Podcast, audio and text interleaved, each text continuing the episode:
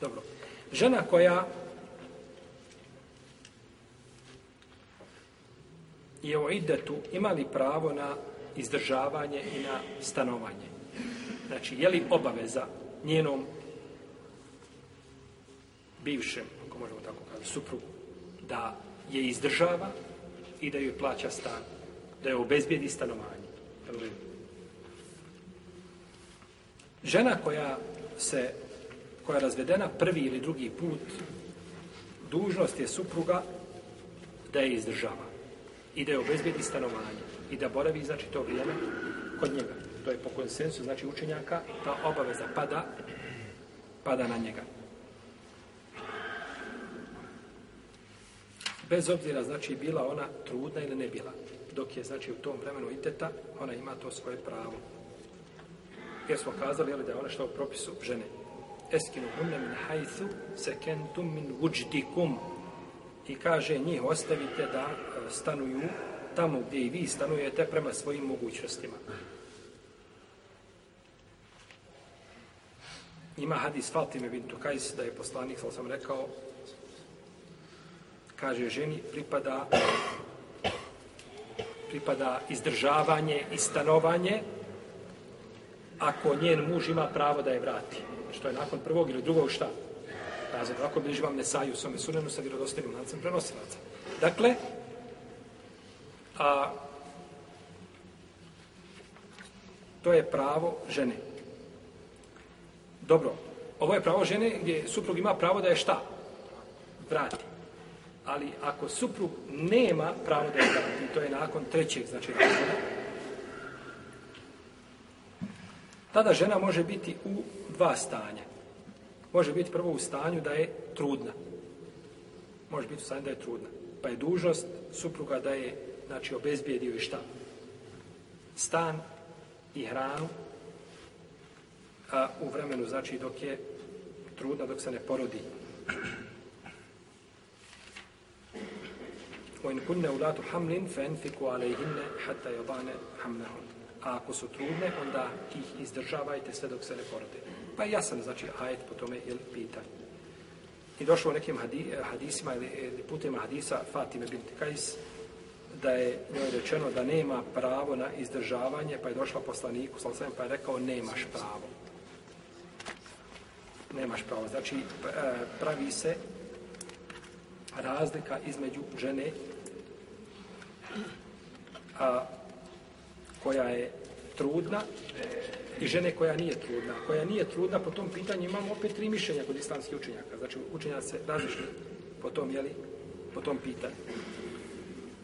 Prvo je da ima pravo i na jedno i na drugo, i to je stavi mama Ebu Hanife, rahimahullahu ta'ala, i Ahmeda, i to je odabro Omer i Ibn Mesao i drugi. I oni koriste općenitost pretnog ajeta, wa eskinuhunne min hajthu sekentum min uđitikum i njih nastanite tamo gdje se gdje vi stanujete, znači prema vašim mogućnostima.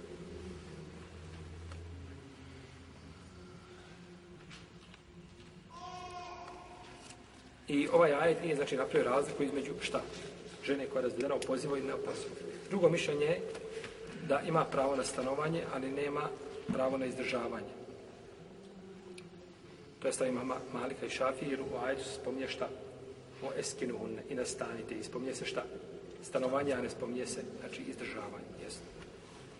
I treće mišljenje je da da nema pravo ni na jedno, ni na drugo. Da nema pravo ni na jedno, ni na drugo. I ovo bi, shodno argumentima, moglo biti najjače mišljenje kazati pravo razlika ima čega, da, da je trudna i da nije šta? Trudna. Znači, ako je trudna, ima pravo dok se ne porodi. A ako nije trudna, imamo šta? Tri mišljenja. A najispravnije od ta tri mišljenja jeste mišljenje imama Ahmeda, Ishaka, Ebu Seura i Davuda i sledbenika a, Ehlul Hadis, Fukahau Ehlul Hadis, Faqihi, hadijske pravne škole.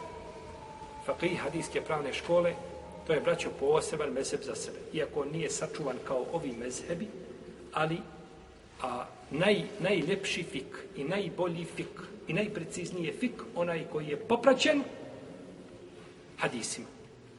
I ko se vraća u fiku na hadise, a ne na puko mišljenje čega? Islamski učenjaka. Pored toga što cijenimo, uvažamo islamski učenjake, o tome smo govorili, a x puta, tako? I, i na svetost njihovi riječi, da se ne moraju biti, znači, u svetost u smislu kom? Da se ne smije sa njima ismijavati, ne smije podcjenjivati, tako da ne more biti ispravni. Ali znači, ulema ima svoje mjesto u srcima muslimana i tako mora biti. Ali vraćati se na argumente, to je dužno, znači, svakoga onako ko traži istinu, ko traži hak. Imam Neovi je bio šafijskog meseba. Mohyuddin Neovi je bio šafijskog mezheba. On kad govori u svome dijelu El Međmu'a, Šerhul Muhedzeb, on govori tu po mezhebu. Ali kad govori u svome dijelu El Minhaj, Šerhu Sahihi Muslim ibn Hadžađ, u komentaru muslimovog sahija, on govori po muslimovom sahihu. I zato su mu mišljenja o muslimovom sahihu kudi kamo, možda nije ovako, nećemo kazati kudi kamo, znači da je puno griješio, Bože začuvaj.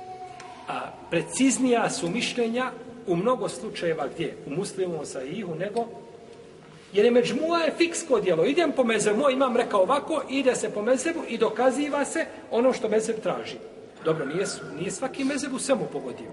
U svakom mezebu imam pitanja gdje imam nije pogodio, gdje su pogodili drugi.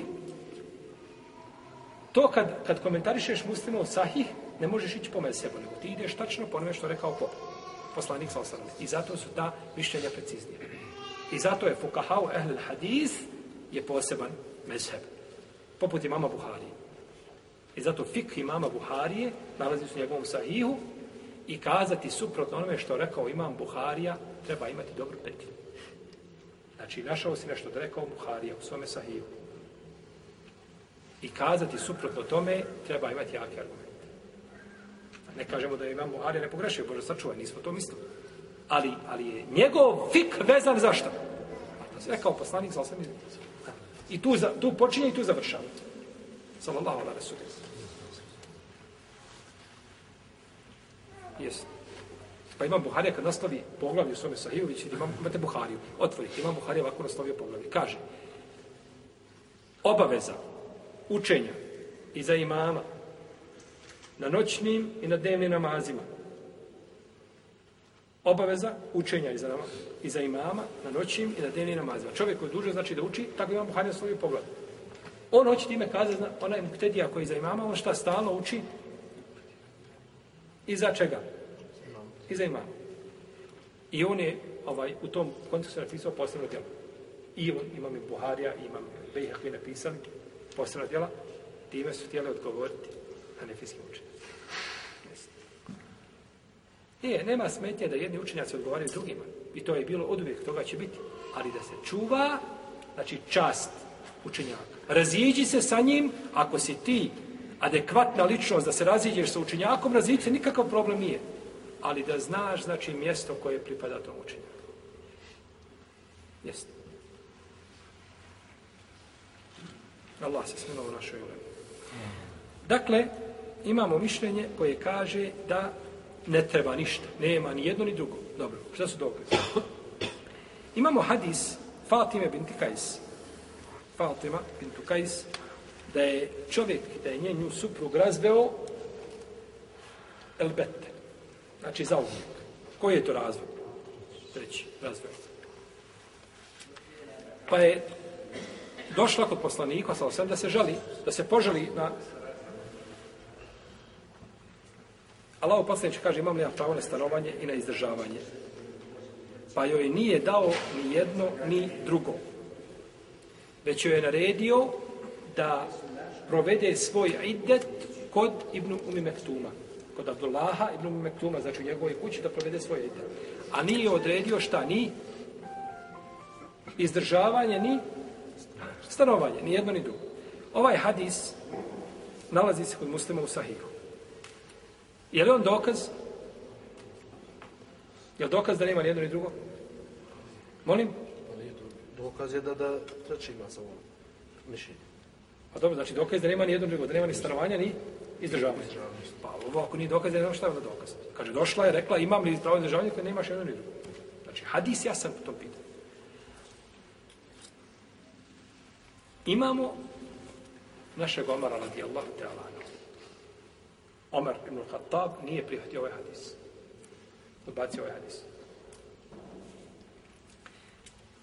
Ebu Ishak kaže, bio sam u džami sa Rasilom ibn Jezidom, sjedili i to je bio Šabi. Pa je Šabi ispričao ovaj hadis. Amir Šabi, poznati Tabin, ispričao ovaj hadis. Pa je uzeo Rasil ibn Jezid, punu šaku kamenje je počeo gađati. Kaže, pričaš hadis, kaže, ovaj,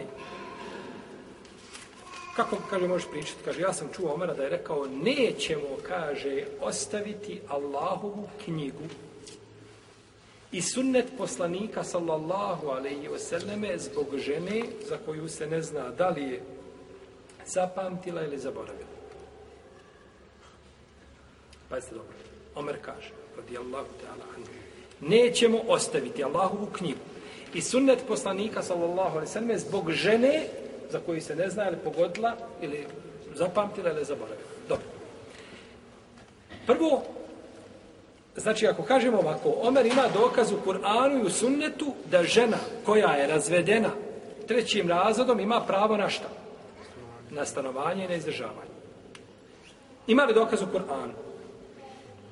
Ima, ima ajet o eskinu hunne min hajthu sekentu min vučitikum. I vi sa njima stanuj, neka obezbijedite im da stanuju tamo gdje vi stanujete s onda vašim mogućnostima. Nije spomenut razlika između jedne i druge. U redu. Ima li sunnet? Nema dokaza u sunnet. Dobro, kako da ono, ono Omer reći sunnet? Ispravno je da ove riječi, braćo, i sunnet nisu ispravne. Ove riječi i sunnet nisu ovaj dodatak, hadis je kao hadis ispravan. U globalu hadis je kao hadis ispravan, jer se razliku muslima u sahihu. Pojte neko izvio odavde i kaže, počeli smo ovaj muslima da daif, ne, malo, malo pa daif, nemo ovaj, iz... Ne, nije to. Hadis je u globalu ispravan, ali se ponekad nađe riječ koja je preletila šta? Nekome od ravija. Obično se Kur'an i Sunnet spominju šta? u paketu, tako, Kur'an i Sunnet, i onaj, Kar to se kaže u hadijskoj terminologiji, terminologiji kaže se selekel džade. Išao je glavnim putem. Glavni put je ovaj da se spominje šta Kur'an i Sunnet, ali nekad nisu uvijek, nekad si na sporednoj cesti, pa se spomene samo Sunnet. Ako tako možemo reći na sporednoj cesti, jel? Da ne neko shvatio da je Sunnet sporedna, ne. Pa kažu, Serakel Džade. On je uzeo, znači, onu osnovu rivajeta koji su išao po njoj, pa je nekad izmjeni, znači, značenja hadisa. Imam da rekutnije prigovorio o ome, o ome dodatku i kaže, i sunnet nije došao šta? U ome hadisu. Nego je ispravno, nećemo ostaviti Allahovu knjigu zbog riječi žene, ne znamo da li je zapamtila ili zaboravila. U redu? To je značenje.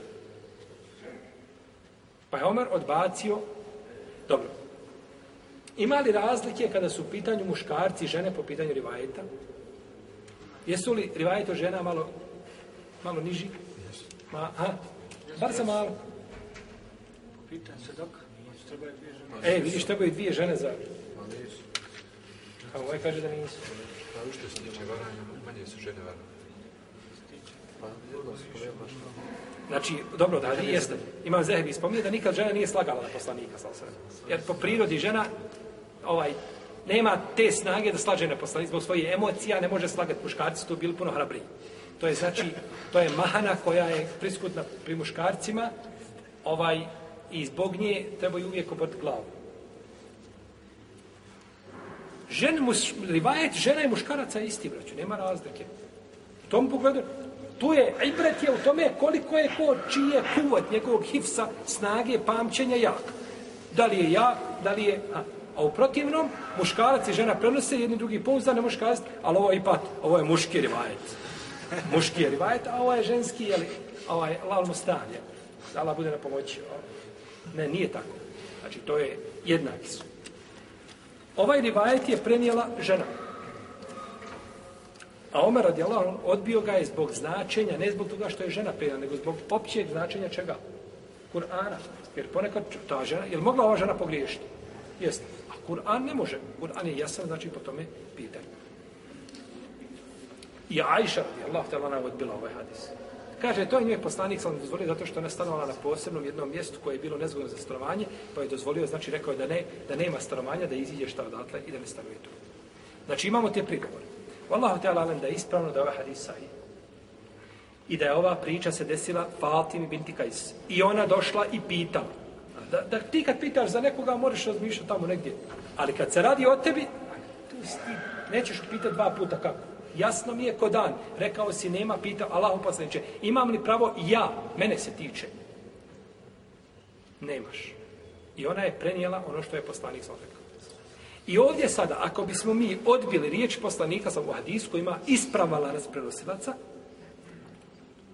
riječi Omera i Ajše radijallahu talana su ha, kod nas neprikosnovene. Poštujemo i cijenimo. Ali ne mora značiti da ne mogu biti šta? Pogrešni. Našto ako se kose riječima poslanika sallallahu alaihi wa sallam.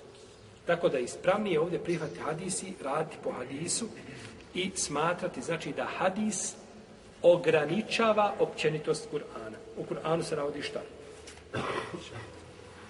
Navodi se, znači, općenito da trebaš im obezbijeti, da se treba obezbijeti šta? Stanovanje. A hadis je ograničio, jeste osim čega? Jednog momenta. A to je kada je razvedena treći put. Neopozivo, kada je razvedena. I onda je hadis samo šta? Ograničio. Mi toga ima, braću, koliko hoće ograničenja ima. U Kur'anu se kaže, ovaj uhilla lakum ma wara'a zalikum je Allah kada spominje šta mi je zabranjeno žena kaže dozvoljeno sve što je mimo toga lijepo znači dozvoljeno ti je da odeš i oženiš štetku od svoje žene tako bi trebalo biti tako tetku od oca od majke nije zato što imaš hadis kod muslima u kome se to zabranjuje pa je hadis tu općenitost šta malo je sužio nije to dokidanje ni ništa nego znači pojašnjenje ili sužavanje tog općeg značenja, pa je tako došlo ovdje. Sahabika je pitala, dobila odgovor od poslanika, sam sam, i to mi je ono što smo zadnji put spomnjali od sad, kada je upitao sad, hoću li šta? Ubiti. Kada je nađeo. Kaže, nećeš. Pa je onda sad iznosio pravdanje svoje, ali je odgovor bio šta? Nećeš. Ovo je došla na, imam li Allahovu uposlaniće šta? Pravo na izdržavanje? Kaže, nemaš. Nemaš. Jesi.